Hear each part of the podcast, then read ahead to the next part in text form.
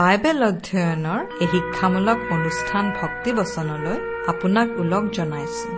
ঈশ্বৰৰ যি দয়া কৰোণা আমি পাইছো তাকেই এই অনুষ্ঠানৰ যোগেৰে জনাবলৈ পাই আমি অতি আনন্দিত। আপোনাৰ পৰাও জানিবলৈ পালে আমি আৰু বেছি উৎসাহিত হওঁ কিয়নো ঈশ্বৰে আমাৰ সকলোৰে যত্ন লয়। নিশ্চয় আপোনাকো অনেক আশীৰ্বাদ কৰি আছে। দুখ কষ্টত পৰিলে তেওঁ উদ্ধাৰ কৰিছে। বেজাৰৰ সময়ত তেওঁ আহি সান্তনা দিছে। হয়তো ৰোগত পৰোতে সুস্থতা দিছে। তেওঁ সদায় আপোনাৰ বিভিন্ন পৰিস্থিতিত যত্ন লৈ আছে। তেওঁ আচৰিত মৰমীয়া ঈশ্বৰ তেওঁৰ মৰমবোৰ আশীৰ্বাদবোৰ স্বীকাৰ কৰিলে সোঁৱৰণ কৰিলে সেইবোৰ দুগুণে বাঢ়ে। আহক আমি প্ৰতিদিনে ঈশ্বৰৰ পৰা পাই থকা আশীৰ্বাদবোৰ ইজনে আনজনৰ লগত প্ৰকাশ কৰো। গধুৰ পাপত অজান মন্দৰ বন্দিত।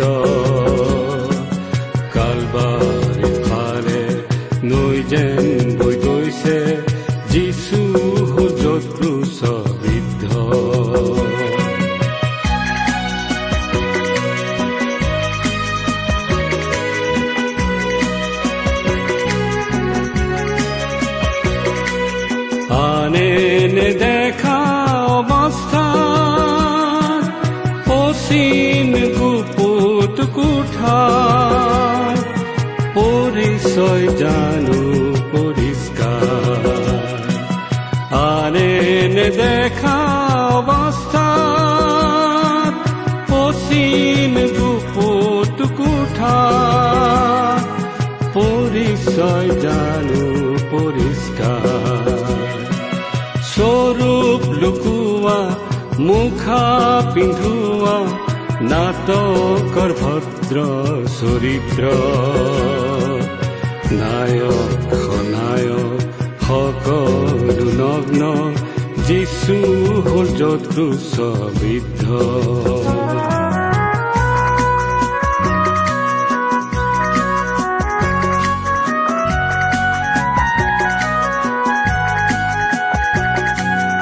আত্ম পৰিচয়ৰ বৃত্তি সদ্মভূষণৰ কৃতি কৰা স্বীকৃতি আত্ম বৃত্তি সদ্মভূষণৰ কৃতি যিচুতে কৰা স্বীকৃতি তেওঁহে পাৰিব পৰাক তুলিব তেওঁৰ তেজহে কৰে শুদ্ধ প্ৰকৃত জীৱনৰ হ'ব আৰম্ভ যিচু যত্ৰুচ বিদ্ধ সবুজ প্ৰাণৰ গধুৰ পাপত অজান মন্দৰ বন্দিত কালবাৰীৰ ফালে নৈ যেন বৈ গৈছে যিচু যত্ৰুচ বিদ্ধ যিচু হ'ল যত্ৰুচ বিদ্ধ। আমাৰ মহান ত্ৰাণকৰ্তা প্ৰভু যীশুখ্ৰীষ্টৰ নামত নমস্কাৰ প্ৰিয় শ্ৰোতা। আশা কৰো আপুনি আমাৰ মহান পিতা পৰমেশ্বৰৰ মহান অনুগ্ৰহত ভালে কুশলে আছে। আপুনি বাৰু আমাৰ এই ভক্তিবচন অনুষ্ঠানটো নিয়মিতভাৱে শুনি আছেনে? অনুগ্ৰহ কৰি আপোনাৰ মতামত আদি জনাই আমালৈ চিঠি লিখিবচোন। আহকচোন। আজিৰ বাইবেল অধ্যয়ন আৰম্ভ কৰাৰ আগতে খন্তেক প্ৰাৰ্থনাত মূৰ দুৱাওঁ। আমাৰ স্বৰ্গত থকা মৰমীয়াল পিতৃ ঈশ্বৰ তোমাক ধন্যবাদ জনাওঁ কাৰণ তোমাৰ মহান বাক্য বাইবেল শাস্ত্ৰ অধ্যয়ন কৰিবলৈ তুমি আমাক আকৌ এটা সুযোগ দান কৰিছা। তোমাক শতকোটিবাৰ ধন্যবাদ জনাওঁ কাৰণ তুমি তোমাৰ একেজাত পুত্ৰ যীশুখ্ৰীষ্টৰ জৰিয়তে আমালৈ অনন্ত জীৱনৰ আশীৰ্বাদ বিনামূল্যে আগবঢ়াইছা। এতিয়া আহা তোমাৰ বাক্য বুজিবলৈ আমাক সহায় কৰা। কিয়নো এই প্ৰাৰ্থনা আমাৰ মহান ত্ৰাণকৰ্তা মৃত্যুঞ্জয় প্ৰভু যীশুখ্ৰীষ্টৰ নামত আগবঢ়াইছো। আহমেন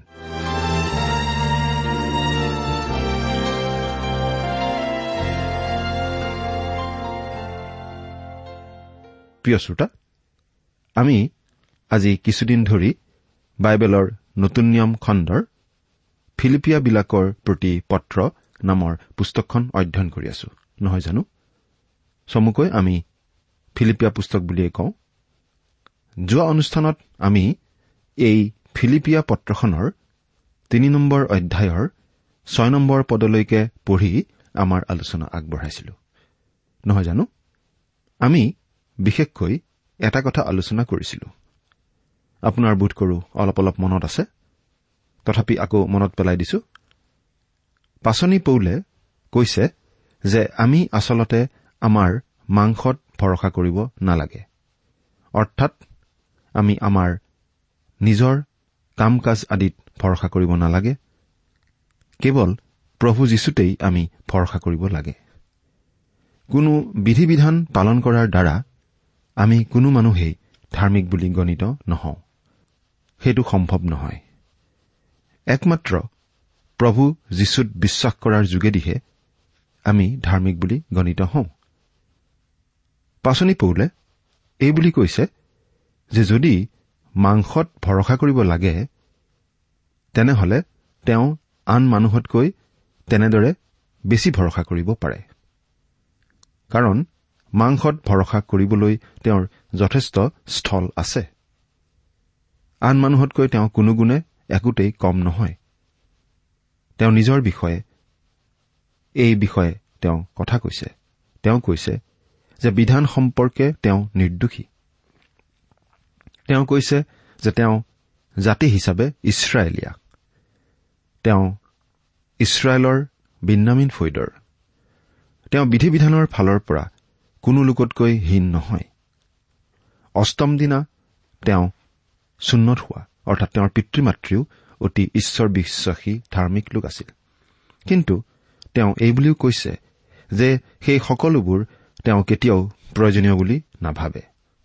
এসময়ত ভাবিছিল সেইবোৰ কথাকে লৈ তেওঁ কোনো গৌৰৱ নকৰে। হয়তো এসময়ত কৰিছিল। বৰং সেইবোৰ নিৰৰ্থক বুলিহে তেওঁ গণ্য কৰে। পাচনি পৌলে আগতে ভাবিছিল যে খ্ৰীষ্টিয়ান লোকক অত্যাচাৰ কৰাটো ঈশ্বৰৰ দৃষ্টিত প্ৰশংসনীয় কাম। তেনেধৰণৰ কাম কৰি তেওঁ ঈশ্বৰক সন্তুষ্ট কৰিব খুজিছিল। তেওঁ খ্ৰীষ্টীয় বিশ্বাসী লোকসকলক নানা ধৰণৰ অত্যাচাৰ কৰিছিল। সেই কথা আমি জানো। কিন্তু আমি এইবুলিও পঢ়িবলৈ পাইছো যে খ্ৰীষ্টীয় বিশ্বাসী লোকসকলক ধৰি বান্ধি জেলত ভৰাবলৈ। যেতিয়া তেওঁ দম্মেচকলৈ গৈছিল তেতিয়া দম্মেচকলৈ যোৱাৰ বাটত তেওঁ যেতিয়া প্ৰভু যীশুক লগ পালে তেতিয়া তেওঁৰ জীৱনেই সলনি হৈ গ'ল। তেওঁৰ জমা খৰচৰ হিচাপেই সলনি হৈ গ'ল। আগতে লাভ বুলি ভবা বস্তুবোৰ এতিয়া তেওঁ লোকচান বুলি ভবা হ'ল। সেই কথাকেই পাচনি পৌলে কৈ থকা আমি এতিয়া পঢ়িবলৈ পাম। আমি পাঠ কৰি দিব খুজিছো এই ফিলিপিয়া পুস্তকৰ তিনি নম্বৰ অধ্যায়ৰ সাত নম্বৰ পদৰ পৰা। আপোনাৰ লগত যদি বাইবেল আছে তেনেহলে চাই যাব। আৰু যদিহে লগত বাইবেল নাই অনুগ্ৰহ কৰি মন দি শুনিব। পাঠ কৰি দিছো ফিলিপিয়া তিনি নম্বৰ অধ্যায়ৰ সাত নম্বৰ পদ।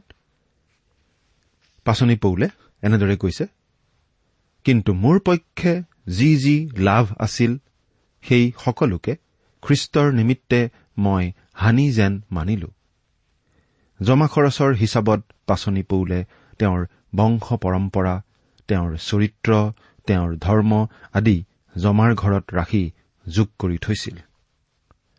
সেইবোৰ তেওঁ যোগ কৰি গৈছিল। আৰু সেইবোৰ দেখাত অতি আকৰ্ষণীয় আৰু চকুত লগা তালিকা আছিল। সেই তালিকাখন বহুত দীঘল আছিল। আৰু মানৱীয় দৃষ্টিভংগীৰে চালে সেই তালিকাখন অতি চকুত লগা আছিল। কিন্তু হঠাতে সেই সকলোবোৰ বিষয় এতিয়া জমাৰ ঘৰত নোহোৱা হৈ খৰচৰ ঘৰলৈ আহিল। তেওঁ আৰু এতিয়া সেই বিষয়বোৰৰ ওপৰত ভৰসা নকৰে। সেইবোৰ তেওঁ আৰু লাভজনক বস্তু বুলি নাভাবে বৰং সেইবোৰ এতিয়া হানি যেন তেওঁ জ্ঞান কৰিবলৈ ধৰিছে। কাৰণ তেওঁ এতিয়া যীশুখ্ৰীষ্টক পালে। আগতে তেওঁ সেই যীশুখ্ৰীষ্টক ঘীন কৰিছিল। আৰু যীশুৰ অনুগামীবিলাকক গ্ৰেপ্তাৰ কৰিবৰ উদ্দেশ্যেই তেওঁ দম্মেচক নগৰলৈ গৈছিল। কিন্তু বাটতে যীশুৱে তেওঁক দৰ্শন দিলে। তেওঁৰ জীৱন সলনি হৈ গ'ল। একেবাৰে আমূল পৰিৱৰ্তন ঘটিল তেওঁৰ চিন্তাধাৰাত। এতিয়া সেই যীশু তেওঁৰ খৰচৰ ঘৰৰ পৰা জমাৰ ঘৰলৈ আহিল। তেওঁ সম্পূৰ্ণৰূপে যীশুতেই ভৰসা কৰিলে। প্ৰিয় শ্ৰোতা আজি যদি আমাৰ পৃথিৱীখনৰ জমা খৰচৰ হিচাপ ৰখা বহীবোৰ তেনেদৰে সলনি কৰা হয় তেনেহলে গোটেই পৃথিৱীখনৰ অৰ্থনীতি ওলট পালট হৈ নাযাবনে বাৰু? গোটেই পৃথিৱীখনত এটা আলোড়ন হ'ব। এইটো এটা বৰ ডাঙৰ বিপ্লৱ হ'ব নহয় জানো? চিন্তা কৰি চাওকচোন কেনেকুৱা পৰিস্থিতি হ'ব। আচলতে প্ৰভু যীশুত বিশ্বাস স্থাপন কৰা কাৰ্যটো এটা অতি ডাঙৰ বিপ্লৱৰ নিচিনা কথা। কাৰণ প্ৰভু যীশুত বিশ্বাস স্থাপন কৰাৰ লগে লগে লাভবোৰ লোকচান হৈ যায় আৰু লোকচানবোৰ লাভৰ ঘৰলৈ আহে। এই খ্ৰীষ্টীয় বিশ্বাসে সকলোবোৰ ওলট পালট কৰি দিয়ে আৰু যিটো ফাল ওপৰত থাকিব লাগে সেই ফালটোহে ওপৰ কৰে। ই আমাৰ অৱস্থান একেবাৰে সলনি কৰি দিয়ে। খ্ৰীষ্টত বিশ্বাস স্থাপন কৰা মানে তেনেকুৱাই। যদিহে আমি খ্ৰীষ্টত বিশ্বাস স্থাপন কৰিছো তেনেহলে আমাৰো জীৱনত এনেকুৱা এটা পৰিৱৰ্তন ঘটিছে। আপোনাৰ জীৱনত বাৰু তেনেকুৱা কিবা পৰিৱৰ্তন ঘটাটো আপুনি মন কৰিছেনে? বা তেনেকুৱা পৰিৱৰ্তন ঘটা বুলি আপুনি সাক্ষ্য দিব পাৰেনে? এতিয়া সাত নম্বৰ পদ আৰু আঠ নম্বৰ পদৰ মাজত এটা সময়ৰ ব্যৱধান আছে। কিমান সময়ৰ ব্যৱধান আমি নাজানো। কিন্তু আমি ভাবো পাচনি পৌলে যীশুখ্ৰীষ্টক গ্ৰহণ কৰা দিনৰ পৰা তেওঁ এই পত্ৰখন লিখি থকা সময়খিনিলৈকে এই সময়ৰ ব্যৱধান পদ দুটাৰ মাজত আছে। সেই সময়ছোৱাতে তেওঁ মিছনেৰী যাত্ৰাবোৰ কৰিছিল আৰু এতিয়া তেওঁ ৰুমত বন্দীশালত আছে আৰু বন্দীশালৰ পৰা তেওঁ এই চিঠিখন লিখি আছে। আঠ নম্বৰ পদটো পাঠ কৰি দিব খুজিছো। এনেকি মোৰ প্ৰভু খ্ৰীষ্ট যীশুৰ জ্ঞানৰ উত্তমতাৰ কাৰণে মই সকলোকে হানি যেনহে মানিছো। পাচনি পৌলে প্ৰভু যীশুক গ্ৰহণ কৰা ঘটনাটো এটা মুহূৰ্তৰ কাৰণে হোৱা অভিজ্ঞতা মাত্ৰ নাছিল। কোনো সাময়িক উত্তেজনাৰ কথা নাছিল। প্ৰভু যীশুক গ্ৰহণ কৰা কামটো বেলুনত উঠি উৰি যোৱা কাৰ্যৰ নিচিনা নহয়। বহুতো মানুহে ভাবে যে আমি কোনো বেদীৰ ওচৰলৈ গৈ কিবা এটা অভিজ্ঞতা লাভ কৰিব পাৰো কিবা এটা দৰ্শন লাভ কৰিব পাৰো আৰু উপঙি ফুৰা অভিজ্ঞতা লাভ কৰিব পাৰো। আৰু সেয়েই সকলো বুলি তেওঁলোকে ভাবে। নাই প্ৰিয় শ্ৰোতা কথাটো তেনেকুৱা নহয়। প্ৰভু যীশুক বিশ্বাস কৰি গ্ৰহণ কৰাৰ অভিজ্ঞতাটো খন্তেকীয়া অভিজ্ঞতা নহয় সাময়িক অভিজ্ঞতা নহয়। এই অভিজ্ঞতাটো আমাৰ লগত স্থায়ীভাৱে থকা অভিজ্ঞতা। গোটেই জীৱন চলি থকা অভিজ্ঞতা হয়। আৰু পবিত্ৰীকৰণৰ অভিজ্ঞতাটো খুব চকুত লগা আৱেগিক অভিজ্ঞতাও নহয়। ই হৈছে ঈশ্বৰত ভৰসা ৰাখি দৈনন্দিন জীৱনত খোজ কঢ়াৰ অভিজ্ঞতা। পাচনি পৌলে কৈছে তেওঁ খ্ৰীষ্টক গ্ৰহণ কৰাৰ দিন ধৰি তেওঁ খ্ৰীষ্টৰ কাৰণেই জীয়াই আছে। তেওঁ সকলো বস্তু হেৰুওৱাৰ অভিজ্ঞতা লাভ কৰিছে। তেওঁৰ সকলো চিন্তাধাৰাত প্ৰভু যীশুখ্ৰীষ্টই মুখ্য স্থান অধিকাৰ কৰিছে। এসময়ত যিবোৰ বস্তু তেওঁ অতিশয় মূল্যৱান অতিশয় প্ৰয়োজনীয় বুলি ভাবি আহিছিল সেইবোৰ তেওঁ এতিয়া বিষ্ঠা যেন জ্ঞান কৰে। একেবাৰে মূল্যহীন ঘীনলগীয়া বস্তু যেন জ্ঞান কৰে। বিষ্ঠা যেনেদৰে আমি আঁতৰাই দূৰলৈ পেলাওঁ পাচনি পৌলেও তেওঁৰ নিজৰ ধাৰ্মিকতা আৰু মাংসিকতাক দূৰলৈ আঁতৰাই পেলায়। যিবোৰ বস্তু বা বিষয়ৰ ওপৰত তেওঁ এসময়ত ভৰসা কৰিছিল সেইবোৰ তেওঁ এতিয়া দূৰ কৰিছে আঁতৰাই পেলাইছে। তেওঁ পৰিত্ৰাণৰ কাৰণে এতিয়া একমাত্ৰ প্ৰভু যীশুখ্ৰীষ্টতেই ভৰসা কৰে তেনেদৰেই তেওঁ চলে। এই সম্পৰ্কতে আমি এজন বিখ্যাত শিক্ষকে কোৱা কথা এষাৰ মনত পেলাব পাৰো। তেওঁ এনেদৰে কৈছিল যেতিয়া মই খ্ৰীষ্টক গ্ৰহণ কৰিছো তেতিয়া মই মোৰ নিজৰ ধাৰ্মিকতা হেৰুৱাই দিছো। প্ৰিয় শ্ৰোতা আজি আমিও নিজৰ ধাৰ্মিকতাত ভৰসা কৰিবলৈ এৰি খ্ৰীষ্টতেই ভৰসা কৰিবলৈ শিকা উচিত। ঠিক পাচনি পৌলৰ নিচিনাকৈ।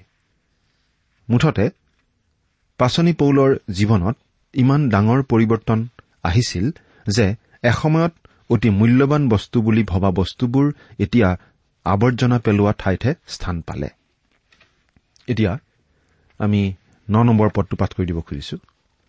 ন নম্বৰ পদ আৰু মোৰ নিজ ধাৰ্মিকতা অৰ্থাৎ বিধানৰ পৰা পোৱা ধাৰ্মিকতাৰে ধাৰ্মিক নহৈ খ্ৰীষ্টত বিশ্বাস কৰাৰ দ্বাৰাই যি ধাৰ্মিকতা অৰ্থাৎ ঈশ্বৰৰ পৰা পোৱা বিশ্বাসমূলক ধাৰ্মিকতাৰেই ধাৰ্মিক হৈ যেন খ্ৰীষ্টক লাভ কৰো।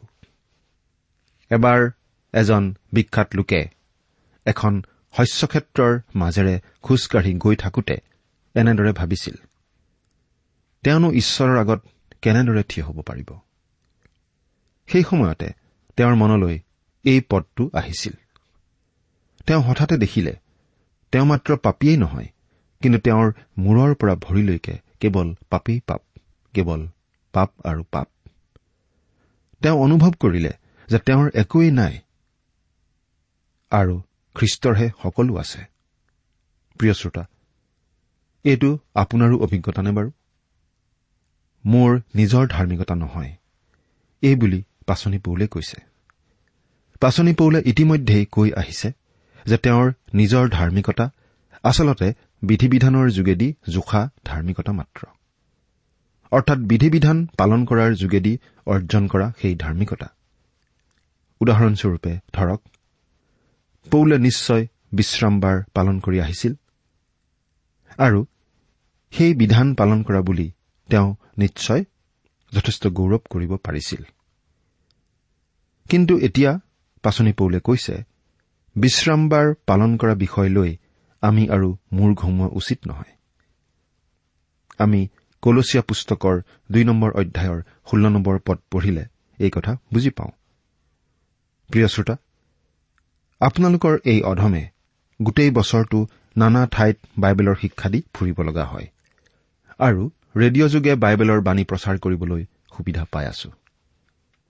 জাগতিকভাৱে চালে অলপ হয়তো কেতিয়াবা গৌৰৱ কৰাৰ স্থলো থাকিব পাৰে। কিন্তু এইবোৰ কথাই আমাক পৰিত্ৰাণ দিব নোৱাৰে। মোৰ ধাৰ্মিকতা বিধানৰ ধাৰ্মিকতা আৰু সেই সকলো ধাৰ্মিকতা লেতেৰা চোৱা কাপোৰৰ নিচিনা বুলি বাইবেলত স্পষ্টভাৱে ঘোষণা কৰা হৈছে। আমাৰ নিজৰ ধাৰ্মিকতা ঈশ্বৰৰ দৃষ্টিত লেতেৰা চোৱা কাপোৰৰ নিচিনা আৰু ঈশ্বৰে লেতেৰা কাপোৰ কেতিয়াও গ্ৰহণ নকৰে নহয় জানো? কিন্তু তেওঁ লেতেৰা পাপীক গ্ৰহণ কৰে আৰু যীশুৰ তেজেৰে ধুই সেই অতি ঘীনলগীয়া লেতেৰা পাপীক তেওঁ সূচী কৰে আৰু সকলোকে সমানে সূচী কৰে। পাচনি পৌলে নিজৰ ধাৰ্মিকতা সম্বন্ধে আৰু একো দাবী কৰা নাই। সকলো তেওঁ এৰি দিছে। এবাৰ এজন বিখ্যাত বাইবেল শিক্ষকে এঠাইত বাইবেলৰ শিক্ষা দিবলৈ গৈছিল। তাত এটি দম্পতীয়ে জীৱনৰ সাক্ষ্য দি আছিল। তেওঁলোক দেখাত অতি ধুনীয়া আছিল। আৰু তেওঁলোকে খুব সুন্দৰ গীত গান কৰিব পাৰিছিল। সাক্ষ্য দিওঁতে তেওঁলোকে কৈছিল যে এতিয়া যিহেতু তেওঁলোকে প্ৰভু যীশুক ত্ৰাণকৰ্তা বুলি গ্ৰহণ কৰিছে গতিকে তেওঁলোকে প্ৰভু যীশুৰ গৌৰৱৰ কাৰণেই তেওঁলোকৰ সুন্দৰ চকুত লগা প্ৰতিভা ব্যৱহাৰ কৰিব। উপাসনাৰ শেষত তেওঁলোকক সেই বাইবেল শিক্ষকজনে লগ ধৰি পেলাই এইদৰে সুধিলে তোমালোকে এটা কথা কলা যে তোমালোকে তোমালোকৰ প্ৰতিভা যীশুৰ গৌৰৱৰ কাৰণে ব্যৱহাৰ কৰিবা। তোমালোকেতো আগতে ৰাতি ক্লাবে ক্লাবে গান গাই ফুৰিছিলা ক্লাবে ক্লাবে নাচি ফুৰিছিলা ক্লাবত সুন্দৰ সুন্দৰ গল্প কথা কৈছিলা তাৰে কোনটো প্ৰতিভা তোমালোকে যীশুৰ কাৰণে ব্যৱহাৰ কৰিব খুজিছা? তেওঁলোকে কথাটো তেনেদৰে কেতিয়াও চিন্তাই কৰা নাই বুলিহে কলে। তেতিয়া সেই শিক্ষকজনে তেওঁলোকক এনেদৰে কলে চোৱা যেতিয়া আমি খ্ৰীষ্টলৈ আহোঁ আমি দেৱলীয়া পাপীৰ নিচিনাকৈ আহোঁ অতি দুখীয়া নিশ্চ পাপীৰ নিচিনাকৈ আহোঁ খ্ৰীষ্টক আমি একো দিব নোৱাৰো। আমাৰ লগত একো নাই যিবোৰ আমি তেওঁক দিব পাৰো যিবোৰ তেওঁ আমাৰ পৰা গ্ৰহণ কৰিব পাৰে। তোমালোকেও খ্ৰীষ্টলৈ আহিছা কিন্তু তোমালোকে খ্ৰীষ্টলৈ একো লৈ অহা নাই। তোমালোক খ্ৰীষ্টৰ আগত ভিখাৰীৰ নিচিনা হৈ আহিছা। তোমালোকৰ একো নাই। তেওঁৰহে সকলো আছে। আৰু সেই সকলো তেওঁ তোমালোকক দিছে। প্ৰিয় শ্ৰোতা এই শাস্ত্ৰপদৰ কথাখিনি আমি আমাৰ চিন্তাধাৰাত সুমুৱাই থব পাৰিব লাগে। শাস্ত্ৰপদটো আকৌ পঢ়ি দিছো শুনিবচোন। আৰু মোৰ নিজ ধাৰ্মিকতা অৰ্থাৎ বিধানৰ পৰা পোৱা ধাৰ্মিকতাৰে ধাৰ্মিক নহৈ খ্ৰীষ্টত বিশ্বাস কৰাৰ দ্বাৰাই যি ধাৰ্মিকতা অৰ্থাৎ ঈশ্বৰৰ পৰা পোৱা বিশ্বাসমূলক ধাৰ্মিকতাৰেই ধাৰ্মিক হৈ যেন খ্ৰীষ্টক লাভ কৰো। বিশ্বাসেৰে। এইটো অতি দৰকাৰী শব্দ। প্ৰভু যীশুখ্ৰীষ্টৰ যোগেদি আমি যি যি পাব পাৰোঁ সেই সকলো একমাত্ৰ বিশ্বাসৰ যোগেদিহে আমি পাব পাৰোঁ। আমি নিজে চেষ্টা কৰি সেইবোৰ কেতিয়াও পাব নোৱাৰো। আমি আমাৰ টকা পইচাৰে সেইবোৰ কেতিয়াও কিনিব নোৱাৰো। আমি সেইবোৰ আনৰ পৰা চুৰ কৰি আনিবও নোৱাৰো। আনৰ পৰা আমি সেইবোৰ কাঢ়ি আনিবও নোৱাৰো। আমি কেৱল প্ৰভু যীশুখ্ৰীষ্টৰ ওপৰত ভৰসা কৰাৰ দ্বাৰা সেই সকলো পাব পাৰো। ঈশ্বৰৰ ধাৰ্মিকতা। ঈশ্বৰৰ ধাৰ্মিকতানো কি বাৰু? যি ধাৰ্মিকতা আমাক ঈশ্বৰে দিবলৈ সাজু কৰি ৰাখিছে সেই ধাৰ্মিকতা কেনে বাৰু? যেতিয়া প্ৰভু যীশুখ্ৰীষ্টই আমাৰ পাপৰ প্ৰাচিত্ৰ কৰিবলৈ ক্ৰুচত নিজৰ প্ৰাণ দিলে আমাৰ পাপৰ প্ৰাচিত্ৰ কৰিবলৈ ক্ৰুচত তেওঁৰ বহুমূলীয়া তেজ বোৱালে তেতিয়াই সেই ধাৰ্মিকতা আমালৈ সিদ্ধ কৰা হ'ল। যেতিয়া তেওঁ ক্ৰুচত মৰি দিলে আমাৰ সকলো পাপ মচি দিয়া হ'ল। তেওঁ যেতিয়া তৃতীয় দিনা কবৰৰ পৰা পুনৰ জি উঠিল তেতিয়া আমাৰ বাবে সেই ধাৰ্মিকতা সিদ্ধ কৰিলে। তেওঁৰ ধাৰ্মিকতা আমাৰ ধাৰ্মিকতা হৈ পৰিল কাৰণ তেওঁ কবৰৰ পৰা জি উঠা কথাটোৱে এইটো প্ৰমাণ হ'ল যে তেওঁ ক্ৰুচত আমাৰ হকে আগবঢ়োৱা বলিদান সফল হৈছে সেই বলিদান পিতৃ ঈশ্বৰে গ্ৰহণ কৰিছে। সেইবাবেই বাইবেলত এইদৰে কোৱা হৈছে আমাৰ প্ৰায়চিত্ৰৰ বাবে তেওঁক ক্ৰুচত দিয়া হ'ল আৰু আমাৰ ধাৰ্মিকতাৰ অৰ্থে তেওঁক তোলা হ'ল। প্ৰিয় শ্ৰোতা আমি সকলোৱে এই বিশেষ কথাটো মনত ৰখা উচিত। আমি নতুন জন্ম নোপোৱা অৱস্থাৰে ঈশ্বৰৰ আগত কোনো পধ্যেই থিয় হ'ব নোৱাৰো। আমাৰ সেই অৱস্থা ঈশ্বৰে কেতিয়াও গ্ৰহণ কৰিব নোৱাৰে। আনে দেখাত আমি হয়তো ভাল হবও পাৰো। আনৰ চকুত আমি হয়তো ধাৰ্মিক যেন হবও পাৰো। কিন্তু ঈশ্বৰৰ দৃষ্টিত আমি সকলো একেই। আমি সকলো পাপী। আমি কোনোৱেই ঈশ্বৰৰ দৃষ্টিত গ্ৰহণযোগ্য লোক নহয়। আমি কোনো লোকেই তেওঁৰ বাবে একো আকৰ্ষণীয় নহয়। আমাৰ কোনোটো গুণ বা কোনোটো প্ৰতিভা তেওঁৰ বাবে আকৰ্ষণীয় নহয়। আমাৰ একো নাই যিহেৰে আমি তেওঁক সন্তুষ্ট কৰিব পাৰো। কিন্তু অতি আচৰিত কথা এইয়েই যে ঈশ্বৰে আমাক প্ৰেম কৰিলে। তেওঁ আমাক প্ৰেম কৰিলে। আমি ভাষাৰে বুজাব নোৱাৰা ধৰণৰ প্ৰেম তেওঁ আমাক কৰিলে। আৰু আমাক উদ্ধাৰ কৰিবলৈ তেওঁৰ একেজাত পুত্ৰ যীশুখ্ৰীষ্টকেই আমালৈ দান কৰিলে। এই কথাটো সঁচাকৈ অতি আচৰিত। তেওঁ কিয় আমাক ইমান প্ৰেম কৰিলে আমি নাজানো। আমি বুজি নাপাওঁ। আমি তেওঁৰ বাবে গ্ৰহণযোগ্য নহয়। কিন্তু যেতিয়া আমি প্ৰভু যীশুখ্ৰীষ্টত আশ্ৰয় লওঁ তেতিয়া আমি তেওঁৰ বাবে গ্ৰহণযোগ্য হৈ পৰো। প্ৰভু যীশুখ্ৰীষ্টত অৰ্থাৎ তেওঁৰ নিজ পুত্ৰত তেওঁ আমাক গ্ৰহণ কৰে। সেই প্ৰিয়জনাত আমি সকলোৱে তেওঁৰ বাবে গ্ৰহণযোগ্য হ'ব পাৰো। কিন্তু আগতে আমি কেনেকুৱা আছিলো কি কৰিছিলো কিমান ধাৰ্মিকতাৰ বাবে কাম কৰিছিলো কিমান বিধি বিধান পালন কৰিছিলো বা কেনেকুৱা জঘন্য পাপ কৰিছিলো সেইবোৰ জৰুৰী কথা নহয়। সেইবোৰ আৰু গুৰুত্বপূৰ্ণ কথা নহয়। আমি নিজে কি কৰি আছিলো সেইটো একেবাৰে গুৰুত্বপূৰ্ণ কথা নহয়। আমাৰ শিক্ষা দীক্ষা কিমান আমি কেনেকুৱা পৰিয়ালৰ লোক সেইটো গুৰুত্বপূৰ্ণ কথা নহয়। ঈশ্বৰে সেইবোৰলৈ এবাৰো নাচায়। কিন্তু আমি যীশুখ্ৰীষ্টত আশ্ৰয় লৈছো নে নাই? আমি যীশুখ্ৰীষ্টত প্ৰকৃত অৰ্থত বিশ্বাস কৰিছো নে নাই? আমি যীশুখ্ৰীষ্টক আমাৰ জীৱনৰ ত্ৰাণকৰ্তা প্ৰভু হিচাপে আমাৰ হৃদয়লৈ আহান কৰিছো নে কৰা নাই? সেই কথাটোহে গুৰুত্বপূৰ্ণ কথা। আৰু ঈশ্বৰে কেৱল সেইটোলৈহে চায়। যদিহে আমি যীশুত আশ্ৰয় লওঁ যদিহে আমি তেওঁক আমাৰ পৰিত্ৰতা বুলি গ্ৰহণ কৰো। তেতিয়া আমাৰ ধাৰ্মিকতাৰ আধাৰ তেওঁৱেই হৈ পৰে। আমাৰ সকলো পাপ অপৰাধ ক্ষমা হৈ যায় আৰু তেওঁৰ যি ধাৰ্মিকতা সেই ধাৰ্মিকতা আমালৈ দান কৰা হয়। তেওঁৰ ধাৰ্মিকতাই আমাৰ ধাৰ্মিকতা হৈ পৰে।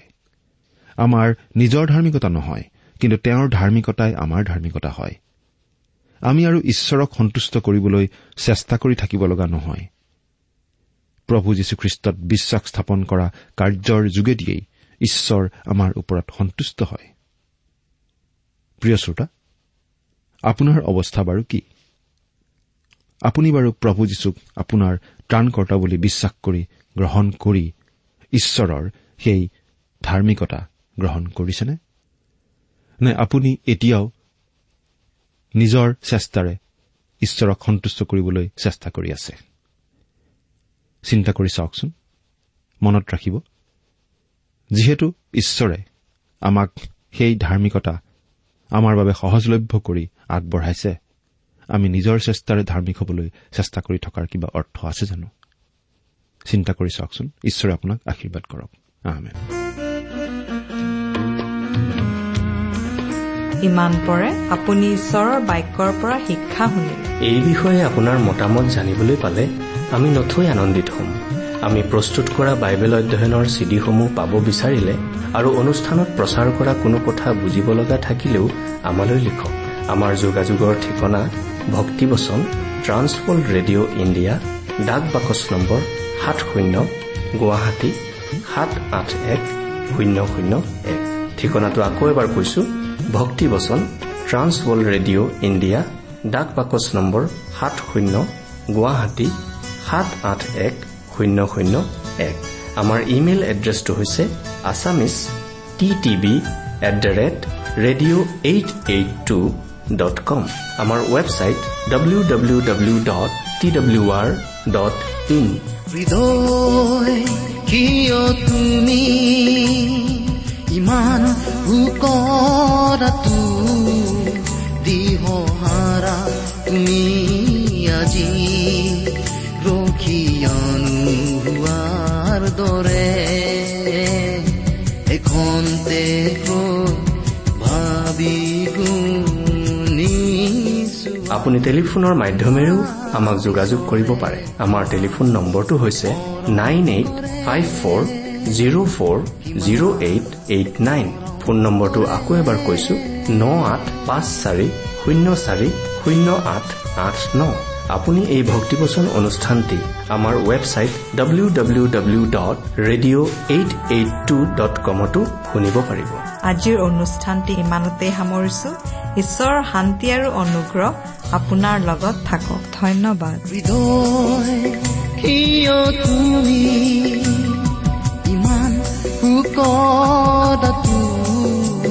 দিহাৰা তুমি আজি ৰখিয়ানোৱাৰ দৰে এখন কৈ ভাবি গুণি চোৱা তোমাক ঈশ্বৰে কিমান মৰম কৰে।